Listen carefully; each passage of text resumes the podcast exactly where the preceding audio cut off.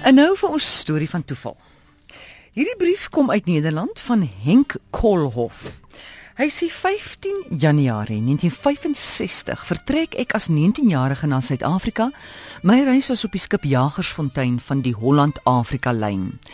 Die reis sou my lewe verander. Sonder om te besef het ek my toekomstige swaar Rudy aan boord van die Jagersfontein ontmoet.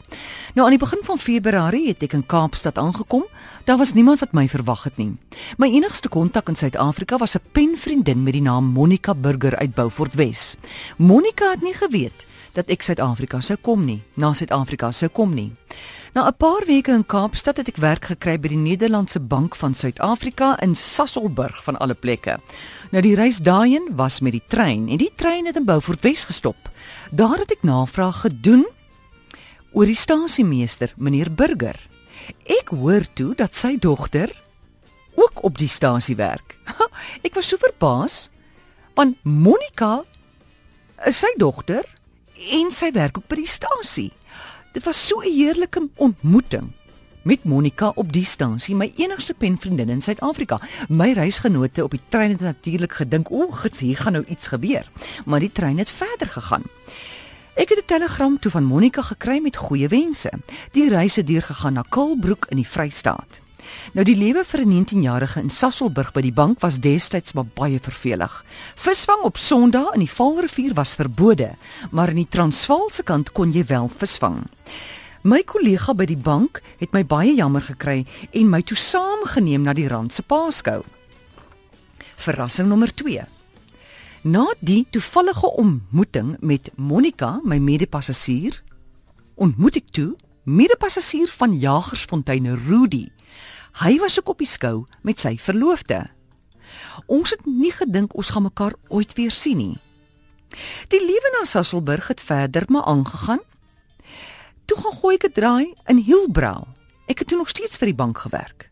Op 'n Saterdag of op my afdag in Johannesburg het ek na Burmeisters toe gegaan om na kameras te gaan kyk. Daar het iemand op my skouer getik en raai wie sit? Weer eens Rudy. Dis nou die derde toevallige ontmoeting. Rudy wou my laat sien hoe goed die lewe in Suid-Afrika is en hy het my saamgevat na sy ouers in Bramley. Hy het 'n suster gehad, Karla. Hm. Ek en Karla is toe op 29 April 1967 getroud in die Nederlandssprekende kerk in Parktown. Jare later en twee gesonde kinders ryker, het ons tot my skoonouers se verdriet besluit om terug te gaan na Nederland. Die kinders was so 3 en 5 jaar en klaar om skool toe te gaan. Dit was die belangrikste rede om terug te gaan. Die kinders het groot geraak en my seun het van kleins af gesê dat hy later sal teruggaan na Suid-Afrika. Hy het teruggekom en na 'n avontuurlike reis vanaf Londen oor land na Suid-Afrika by die grens kon hy toe nou sy Suid-Afrikaanse en Nederlandse paspoorte laat sien. Hy trou toe met 'n Suid-Afrikaanse vrou en hulle het 'n pragtige dogter. Karla en ek het gereeld op vakansie na Suid-Afrika gegaan en my skoonouers het so elke tweede jaar en 'n paar maande by ons in Nederland kom kuier. Nou op vakansies in Suid-Afrika het ek altyd probeer om weer kontak te maak met Monica. Ek was nuuskierig hoe dit met haar gaan. Helaas was daar geen spoor van Monica nie. In die begin van 2005 is my vrou Karla totaal onverwags oorlede.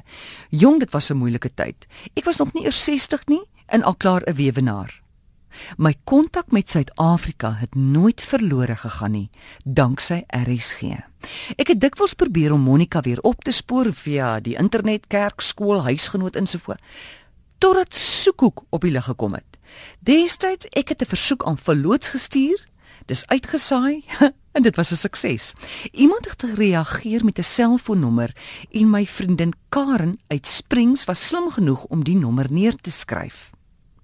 Ek het hierdie selfoonnommer gehad, maar ek het nog nie die moed gehad om te bel nie. Nadat ek lank geaarsel het, het ek dit gewaag.